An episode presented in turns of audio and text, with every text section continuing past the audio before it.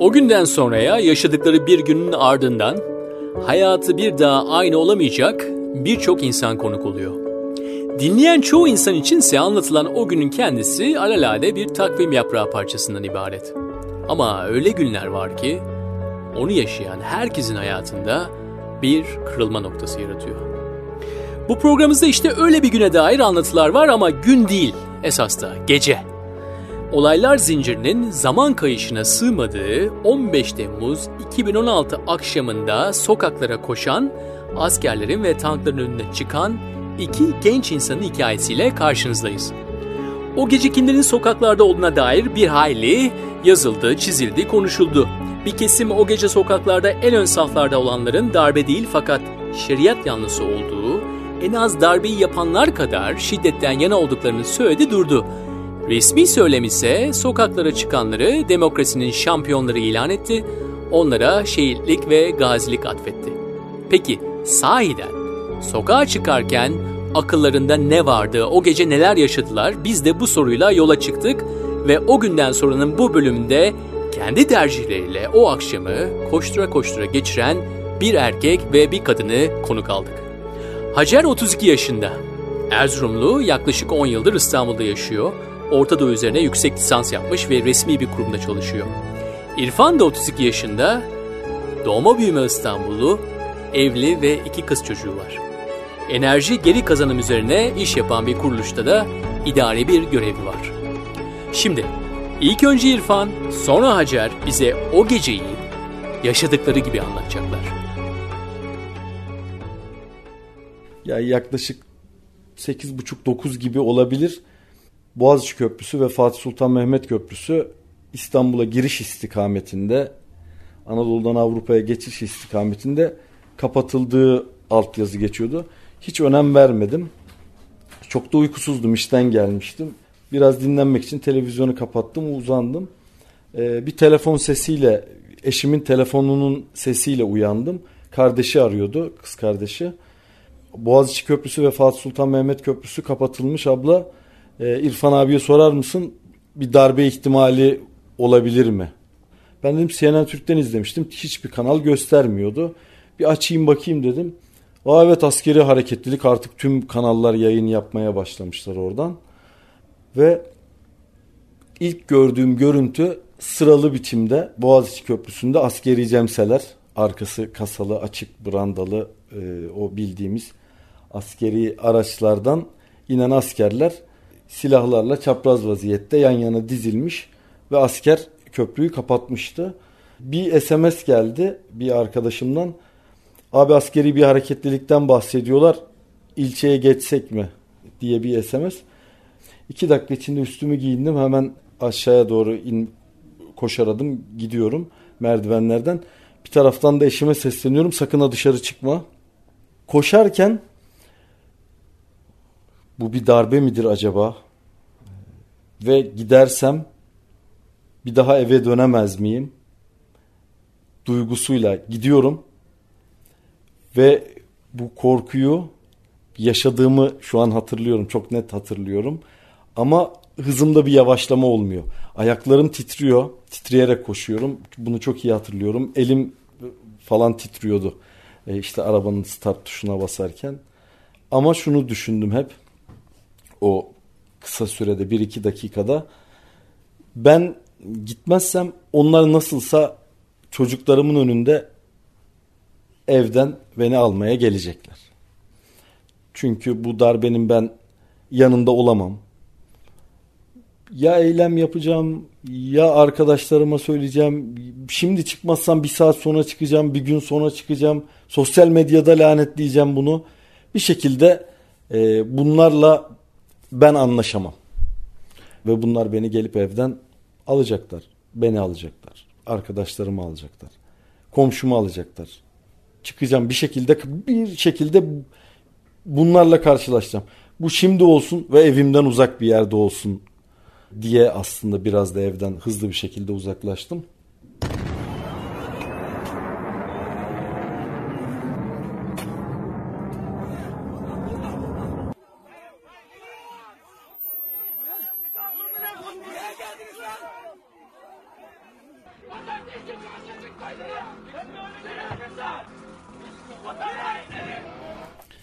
AK Parti ilçe binasına gittim. Şişli'de, e, Mecidiyeköy'de bulunan binasına gittim. Aslında e, oraya bir kilometre kala polis yolu kesmişti. Trafik zaten Boğaziçi Köprüsü'ne istikametinde bir yoğunlaşma vardı. E, Mecidiyeköy otobüslerinin, Mecidiyeköy metrobüs istasyonunun olduğu caddede. Arabayı bıraktım en sağ şeritte. Zaten tüm trafik duruyordu. Arabayı kilitledim. Koşarak devam ettim. Yani aylardır görmediğim, yıllardır görmediğim arkadaşları gördüm orada. Pijamalarıyla geleni.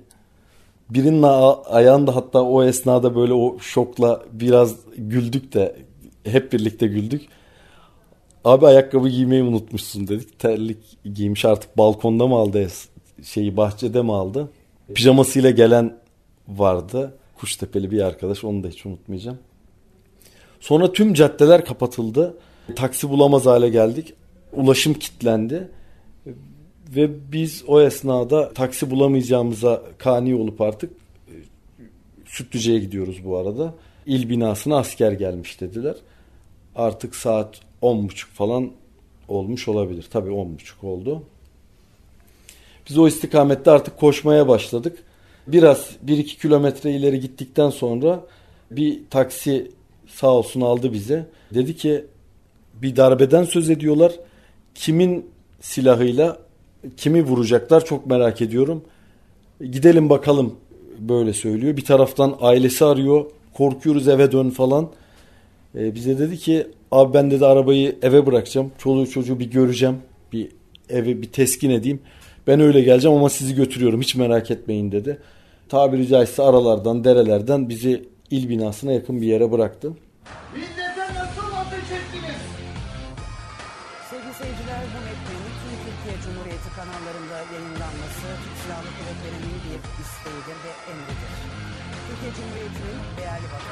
Bakma öyle artist artistten devlet yıkmaya teşebbüs ediyorsun. Tüm yurtta sıkı yönetim ilan edilmiştir. İkinci bir dünyaya kadar sokağa çıkma yasağı uygulanacaktır. Sütlüce'ye ulaştığımda ben 4-5 kişiydik biz. Askerle vatandaşlar karşı karşıya gelmişlerdi artık ve asker geri geri ilerliyordu. Hiç polis olmamasına ben çok şaşırmıştım o esnada. Yani niye polis müdahale etmiyor bu arkadaşlara falan diye. Askerle nihayet artık itiş kakış başladı. Bir 40-50 kişilik grup yanlış hatırlamıyorsam 20 ile 40 kişi arasında bir topluluk yavaş yavaş geri çekiliyorlardı. İl binasının yanındaki sokağa artık onları iyice sıkıştırdık. Geriye doğru püskürttük. Ve oradan gitmelerini istiyoruz.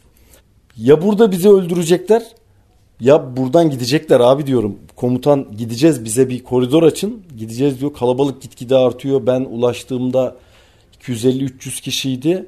Bini bulması 15-20 dakikayı aldı. 3000 4000 böyle kalabalık artık bir saatin sonunda 3-4 bin belki 5 bine ulaştı artık. Artık askeri araçlar etrafı çevrildi. Ee, içinde insanlar oturuyor. Üstünde insanlar var. Türk bayraklarıyla artık askeri araçların camları kapatılmış. Artık insan kalabalığından bu araçları seçilemez hale geldi. Ben o yokuşta en ön tampon bölgesinde. Bizim arkadaşlarımıza komutan şöyle bir şey söylemiş. Vur emrimiz var. Bir yumruk yersek bu bir linç girişimine dönüşür. Bir kontakta, bir kıvılcımda ve vururuz.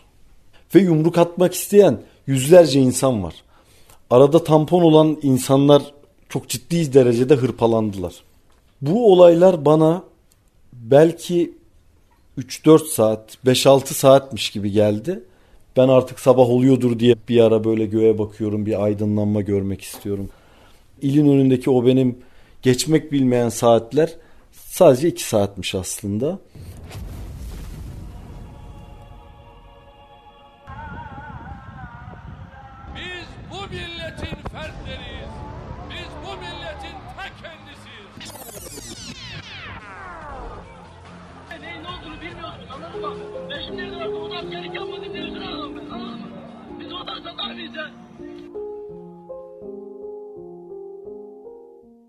Askerden bir saldırı olmadı. Biz orada artık başarılı olamayacağımızı, bu askerin buradan tahliye edemeyeceğimizi düşündük. Hiçbir yere ulaşamıyoruz. Bir arkadaşımızın vurulduğunu duyduk. Eski iş arkadaşım Murat vurulmuş. Bunu duyduk. Kimse ulaşamıyor. Herkes tamam gideceğiz diyor.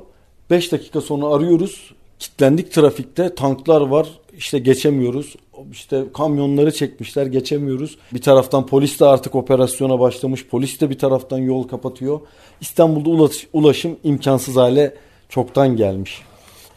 O bende motor var diyen arkadaşımla birlikte Fatih'e doğru ilerledim. Nihayetinde Fatih'te Yavuz Selim Işıklar diye anılan Fevzi Paşa Caddesi'nde Edirne Kapı'dan Fatih istikametine geliyoruz. Polis yolu kesmiş ve anonsunu hiç unutmuyorum. Sizler sayesinde bu darbeyi atlatacağız. Yeter ki bizim yanımızda olun. Biz tabii altımızda motor olduğu için böyle polislerden de fırsat bularak e, belediye istikametinde yolumuza devam ettik. Artık e, itfaiye ışıklar diye anılan o yere geldiğimizde Medikal Park'ı görebiliyorduk artık. Önündeki sokakta çatışma vardı. İlçe binasının önünde beklerken de il binasının önünde o boğuşmaları yaşarken de bunun sabaha biteceğini düşünüyordum. Ama o hastaneye girdiğimde artık her şey değişmişti. Ve evet şehadet bize yakın diye düşünüyordum. Benim 12 yaşındaki torunum dede bunlar bizim askerlerimiz değil mi? Niye insanlar öldü? Ben buna cevap veremedim. Ama cevabı vereceğiz. Öyle bir vereceğiz ki bütün dünya görecek. Masum olarak öleceğiz ve öldürüleceğiz artık dedim kendi kendime. Ellerim titremeye başladı. Birkaç yanımdan koşan beyaz önlüklü kıza ya da erkek personel kim varsa güvenlik görevlisini tuttum. Yukarıdan aşağıya tüm üniforması kanlar içindeydi. Beyaz eldivenli bir doktoru hatırlıyorum. Beyaz eldiven bileklerinde ama tamamen kan olmuş. O eldivenin üzerinden kanın akıp o beyazın o kanın altından tekrar o beyazlığın çıktığını görünce anladım elinde eldiven olduğunu ve doktor olduğunu orada anladım. Çünkü üzeri tamamen kandı ve dirseklerine kadar kan vardı. Kendime diyorum ki ne kadar saçma. Yani kimse oturduğu yerde değil. Hastane düzeni yok. Her yer taranmış. Hastane önünde insanlar zaten eğilerek girdik hastaneye. Ara, park halindeki arabaların altından teker hizasında sürünerek girdik hastaneye zaten. O halde bir doktora şey sorduğunuzu düşünsene. Bir kayıt var mı buraya gelenlerin? Kayıt nasıl olabilir? Bombalanan o tüm sisteminin yerle bir olduğu yerlerde e, o şifa hastanesinde insanlar nasıl iletişim kuruyordu? Bağırarak. Bağırmalıyım. İşte Murat Murat diye sadece bağırdığımı hatırlıyorum. Sonra e, işte Murat'a ulaşmanın anlamsız olduğunu orada herkesin bir Murat olduğunu zaten herkes yaralı. Arkadaşı aramayı bıraktık. Üst katlara doğru merdivenlere doğru ve alta hafif bir yarım bodrum tarzında bir ameliyathane önü var. Orada engelli rampasına yatırılmış e, yaralıları görüyorum. Hepsi büyük hastanelere taşınmayı bekliyorlar. Ambulanslar tabi yollar kapalı olduğu için ulaşamıyor. Kartal bir araba vardı. Önüne, arkasına, bagajına ne kadar yaralı varsa üst üste e, koyduk gittik. Askerin kullandığı silah çok tehlikeli bir silahmış. Ben o silahın özelliklerini bilmediğim için. Dönerek gider, mercimek gibi girer, arkada tencere büyüklüğünde açar dediler. Kalçasından vurulmuş bir çocuk vardı ve bilinci kapalıydı. Kalçasından yaralanan bir insan nasıl bilinci kapanır diye düşünüyorum orada. E, sonradan anladım ki biz kalçasında kurşunun girdiği yeri görebiliyoruz ve oraya kompres yapıyoruz ama sedye tamamen kan, sedyeden kan akıyor. Nereye basarak durduracağımızı bilmiyoruz. Şimdi anlıyorum ki o hasta kalçasından giren o ve bizim kompres yaptığımız o kurşun deliği ön tarafta kasık bölgesinde ne kadar büyük bir şeyle çıktı ki e, bilinci kapanmıştı demek ki kansızlıktan. Onun da son halini bilmiyorum. Yüksek ihtimalle o da hayatını kaybetmiştir.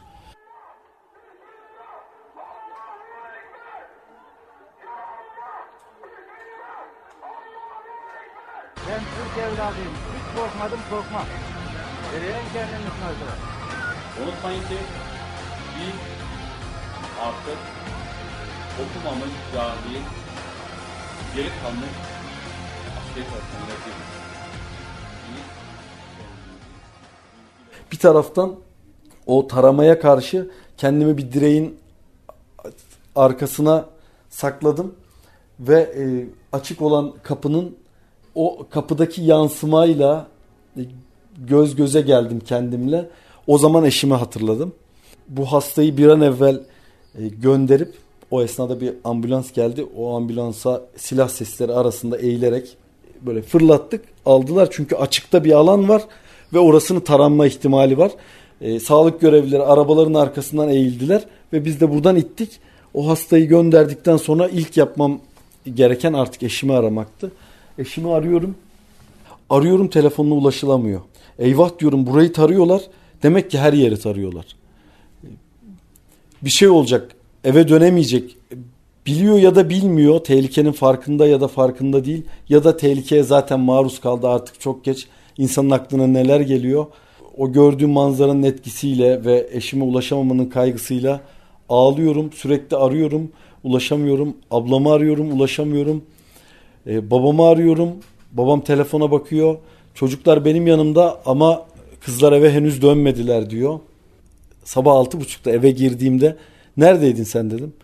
Onlar da Taksim meydanına çıkmışlar. Kasımpaşa'dan sonra Taksim meydanına çıkmışlar. Ve asker oraya girerken e, halkı taramış. Anladım ki ben Fatih'te eşim de e, Taksim meydanında böyle bir şeye maruz kalmıştı. Şunu açık yüreklilikle söyleyeceğim. Biz korktuk. Yani ben korktum. Ama durmadım. O insanlar da belki korktular. Korkmayanları da gördük. Ama insandır, korkar. Ama biz korkak bir toplum, korkak bir millet değiliz. Ben inanıyorum ki bugün ikinci bir kalkışmayı deneseler biz ilk günkü gibi yine karşısında oluruz.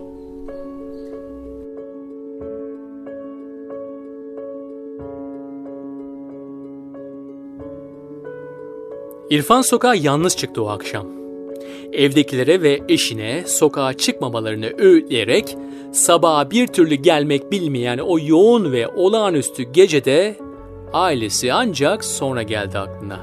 O koşturup çabalarken eşinin de başka bir sokakta benzer bir gece geçirdiğini öğrendi ve içten içe de gururlandı belki de. Şimdi sırada o akşam sokağa tüm itirazlara karşı gelerek çıkan Hacer var. Hacer'in evde onu bekleyecek bir ailesi de yok üstelik. O sabahsız geceyi tek başına ama Twitter'da diğerleriyle de paylaşarak yaşadı. Şimdi Hacer'i dinliyoruz. Ee, Ben o akşam yani her zaman evime gelmiştim. Biraz geç geldim 9.30-10'a doğru. Ve bilgisayardaydım. Bir yandan da hani rutin bilgisayarda Twitter'ı takip ediyorum. Sonra Twitter'dan darbe işte e, söylentileri çıktı değil de biraz böyle şakalar başladı. İnsanlar birbirlerine işte darbe çıktı şudur budur E, ve köprüde askeri hareketlilik var diye. E, o zaman ben aslında bir darbe olacağını düşünmedim. Sanırım dedim herhalde çok ciddi bir terör saldırısı var, e, ihtimali var. O yüzden hani teyakkuzu İstanbul ve şey onu düşünmedim ama e, daha sonra CNN Türk canlı yayına girdi ve gazeteciler benim Twitter'dan takip ettiklerim durum ciddi hani şakaları bırakın gerçekle yüzleşin gibi e, tweetleri görünce ben tabii e, ürktüm yani darbe olma ihtimali üzerine. Sonra arkadaşım mesaj attı. Büyükşehir'de çalışıyorum. Belediyeye askerler geldi. Askerler belediyeye girdi diye. Ve o anda düşünmedim yani çünkü o zamana kadar yıllarca bütün söylemlerimizde her şeyde darbe ne olursa olsun nereden gelirse gelsin kim yaparsa yapsın hani karşı olmalıyız gibi bir şey bir kodlama var. Ben bilinçsiz ya bilinçsizce değil o kodlamayla birlikte ne ara giyindim, ne ara hazırlandım, ne ara dışarı çıktım bilmiyorum ve tamamıyla ortalıkta daha hani e, televizyonlar darbe oldu demeden dışarı çıktım ben direkt belediyenin oraya ve oradaki askerleri gördüğümde insanları arayıp belediyenin önünde askerler var. Askerler hani darbe çıktı. Herkes bana tamam artık sokağa çıkmaya yasağı var gir içeri. Ben dedim ki e, yani o sırada hani girmek ne ne getirecek yani sonuçta bir darbe var ve ben yıllarca darbe için ben sokağa çıkacağım ben bu darbeye hani karşı duracağım dedim ama evde karşı durulmaz ki darbeye yani e, öbür türlü de dedim ki hani yani ilk önce ben otururum, birisi görür, başka birisi görür, sonra birileri gelir. Böyle böyle böyle insanlar da ya ne yapabilir ki sonuçta asker en fazla tutuklar, götürür. Darbede şey yapar yani darbe budur diye düşünüyorsunuz. Tabii o sırada ben yalnız yaşadığım için çok ciddi şekilde arkadaşlarımın tepkileri, ailemin tepkisi içeri gir çok ciddi bir şekilde ve ben namaz kılmamıştım. E, yassı ilerliyordu ve ben dedim ki eve gideyim namazımı kılayım telefonumu şarj edeyim insanlar bana ulaşsın tekrar çıkayım. Ve bu sırada da e, artık TSK eve geldiğimde TSK bildirgesi okunmuş. E, Cumhur Başbakan açıklama yapıyordu. Cumhurbaşkanının bağlantısını duyduktan sonra da zaten ben çıkacaktım, hazır bekliyordum. Tekrar çıktım.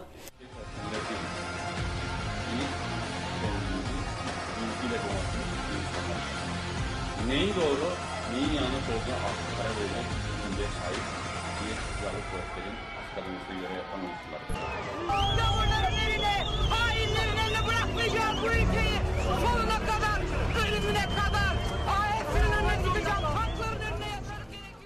Bu sefer e, belediyenin o askerlerin olduğu yerde e, kalabalık vardı artık. Kalabalık başlamıştı.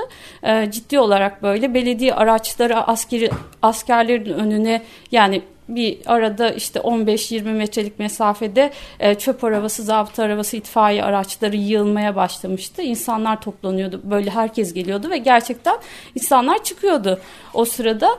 E, bekledik yani sadece slogan atılıyor. İşte e, kimisi tekbir getiriyor, kimisi ordu kışlaya deniyor, kimisi ve bu sırada asker e, ilk önce havaya ateş açmaya başladı ama daha sonra direkt insanları oradaki bekleyen parklarda iki tane park var Saraçhane'ye gittiyseniz yolun karşılığında iki tane park arasında insanlar beklerken direkt ateş atıştılar. Çok yakın mesafedeydim ve mesela o sırada ben buna bu şeye inanamadım. Yani bize karşı ateş açıldığını inanamadım ve donup kalmışım. İnsanlar kaçıyor ortada böyle duruyorum. Ee, birisi beni tutup çekmese yatsana bacım vuruyorlar diye. Hani ben belki ben de vurulabilirdim. Çünkü ayakta kalıp böyle donmuştum. Bize ateş edeceklerini hiç tahmin etmedim. Ve o sırada tabii yatıyorsunuz, kenarlara kaçıyorsunuz, bir yerlere kaçıyorsunuz. Ee, gözünüzün önünden yaralılar gidiyor. Bir tane yani şu anda belki hani o sırada bir kadın çocuğunu taşıyordu. 10 yaşlarında 15 yaşlarında. Ee, bir tane mesela adamın e, göğsünden vuruldu ve taşınamıyor artık şeye doğru. İnsanlar böyle zorla taşımaya çalışıyorlar. Biraz da şeydi hani uzun boylu iri yarı biriydi. Onu taşıyamıyorlar böyle bırakıyorlar böyle çok ağır bir poşeti bırakır gibi tekrar taşımaya çalışıyorlar. Sedye yok Medikal Park'ta. Medikal Park'ın acili hemen organize olmuş ama sedye yok. O, o insanları oraya taşıyacak hiçbir araç yok. Araçlar gelemiyor zaten yollar kapalı. Ee, sonra bizim belediyeden eski bir arkadaşım vurulduğunu duydum. Medikal Park'ta dediler. Bu arada da sürekli WhatsApp'tan insanlara mesaj atıyorum. Fatih'te bize ateş açtılar. Fatih'e gelin. Fatih'te çok zor durumdayız. Burada polis yok. Burada insanlara durup dururken ateş açtılar diye. Ee, birisi söyleyince ben de Medikal Park'ın aciline girdim. Medikal Park'ın o acil ve kayıt alanında ve girişindeki her yer dolu. Yerler sedyeler dolu. E, sedye yok zaten insanlar yerlerde o koltukları uzatılmış e, ve e, birkaç yerde kalp masajı yapılırken gördüm. 3-5 yerde muhtemelen hani bekleyemiyorsun o kalp masajı tamamlanacak mı tamamlanmayacak mı onu bekleyemiyorsun. Başka bir yere gidiyorsun her yerde bir çığlık. Dışarıda insanlar yaralıları taşırken bile üzerinde hala ateş açılıyordu. Yani o yaralıları taşımalarına bile izin vermediler.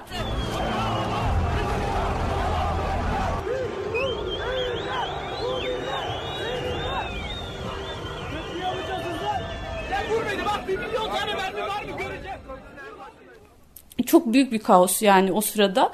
Ve insanlar sadece şey böyle bekliyorlar. Birisi diyor ki ya bekleyelim burada mermileri bitecek ne de olsa. Hani vazgeçmiş değiller. O ateş insanları vazgeçmedi ama tabii çok ciddi bir kaos.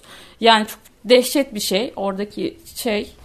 Ee, daha sonra arada tabii e, bir oraya gidip bir buraya geliyorsunuz. Ne olduğunu anlamaya çalışıyorsunuz. Yerinizde duramıyorsunuz. O sırada ayakta dururken mesela bir tane Suriyeli vardı. Benim böyle şaşkınlığımı herhalde fark etti.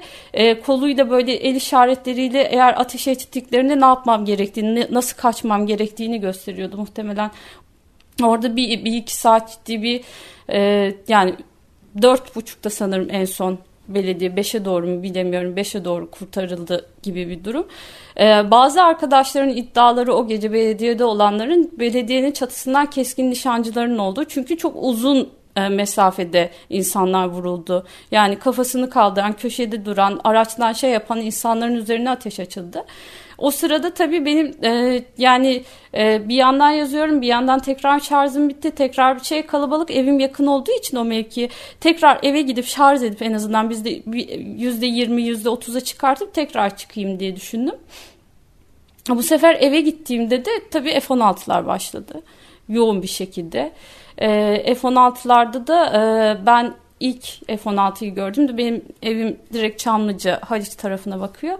Ee, karşıdan mesela kırmızı bir ışık geliyor. Balkondayım bakıyorum böyle bir yandan durumu anlamaya çalışıyorum. Kırmızı ışık geldiğinde o kadar alçak uçuyordu ki yani o görebildim yani F-16'yı böyle alçak uçuşta böyle kanatlarını her şekilde seçebiliyorsunuz o karanlıkta ve ışıkları yok. Ee, bir anda bir ses bomba düştü diye düşündüm. Dedim Fatih'i ev sallanıyor zaten. Fatih'i yıktılar diye. E, bu saatten sonra zaten evde durmanız mümkün değil. Uyumanız mümkün değil. E, ben tekrar dışarı çıktım. Tekrar Fatih'te zaten o sırada belediyedeki durum kurtarılmıştı. Ben vatana geçtim bu sefer. Vatanda da e, artık insanlar gitmek istemiyorlar çünkü oradaki durumda bir nöbet şeklinde aldı. Yani kimse hani bir nöbet olmadan e, doğal or sürecinde böyle orayı terk ederlerse başka bir durum olur diye.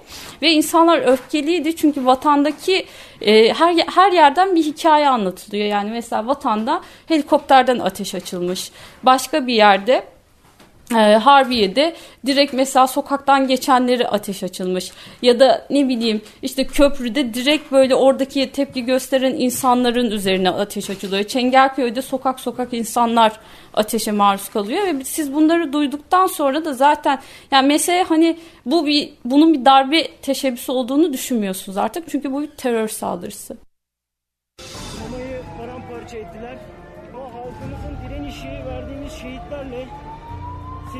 Saatlik bir mücadeleyle Boğaz Köprüsü'nü de aldık. Sadece Boğaz Köprüsü'nün en tepesinde bir tane görebiliyor musunuz bilmiyorum keskin nişancı duruyor. Bir şey yapamayacağını hissetti galiba. Let's get straight to the breaking news overnight. An attempted coup leading to chaos, death, and instability in Turkey. A key U.S. ally, a major strategic partner in the fight against... Ben sabahta vatandaydım vatanda şey oldu. Yani sabahı gördük ama sabah oldu ama pek sabah olmadı gibi. Çünkü o duygu geçmiyor.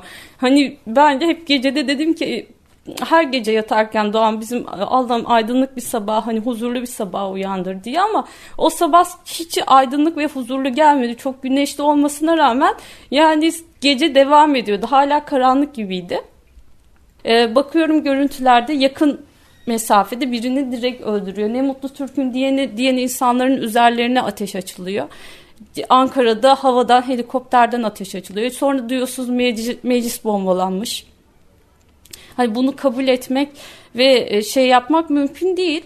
E, şu anda geldiğimiz noktada hani dediğim gibi yani uyumak mümkün değil. Yani uyuduğumda sanki farklı bir Türkiye'ye uyanacakmışım, farklı bir şey olacakmış gibi böyle bir nöbet edasıyla ayakta durmaya çalışıyorum kaç günlerdir. Mümkün mertebe şehit cenazelerine gidiyoruz. Orada tabii gencecik insanlar ve düşünüyorsunuz bu ülke için gittiler.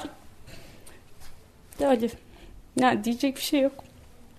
Şimdi de zaten şu anda da şey düşünüyorum yani bir e, acının ilk et, ya eliniz kesildiğinde ya da ne bileyim kurşun geldiğinde söylenir ilk etapta sıcağı sıcağına hiçbir şey hissedilmez. Biz şu anda hissetmiyoruz daha. Yaşadığımız o, o acının daha farkında değiliz. Bu travma uzun süre geçmez.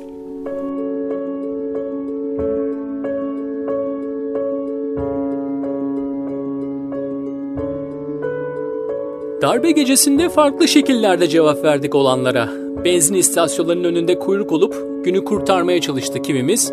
Diğerleri hiç ummadığı bir anda karmaşanın ortasında buluverdi kendini ve anlam veremediği bu savaşın içinden kurtulup kaçmayı düşünebildi sadece. Bazıları ise bile bile ve ayakları titreye titreye sonunun ne olacağını bilmediği ama inandığı bir yola koştu. İrfan ve Hacer gibi. Bu tür kırılma noktalarında hep olduğu gibi olanlar kısa zamanda hemen çok farklı şekillerde açıklandı. Komple teorilerine rağbet ederek, muhbirlerin, itirafçıların sözcüklerine de kilitlenerek sağlıklı bir yaklaşım elde etmek kolay değil. Ancak yapabileceğimiz Hacer ve İrfan gibi yaşayan ve anlatan insanlara tutunabilmek. 11.18'de hepimizin samimi ve gerçek hikayelerine yer veriyoruz. Birbirimizi dinlemenin ve toplu hafızamızı dinç tutmanın önemine inanıyoruz. Yeni programlar ve yeni hikayelerle de devam edeceğiz. Siz de yaşamaya ve bize kulak vermeye devam edin.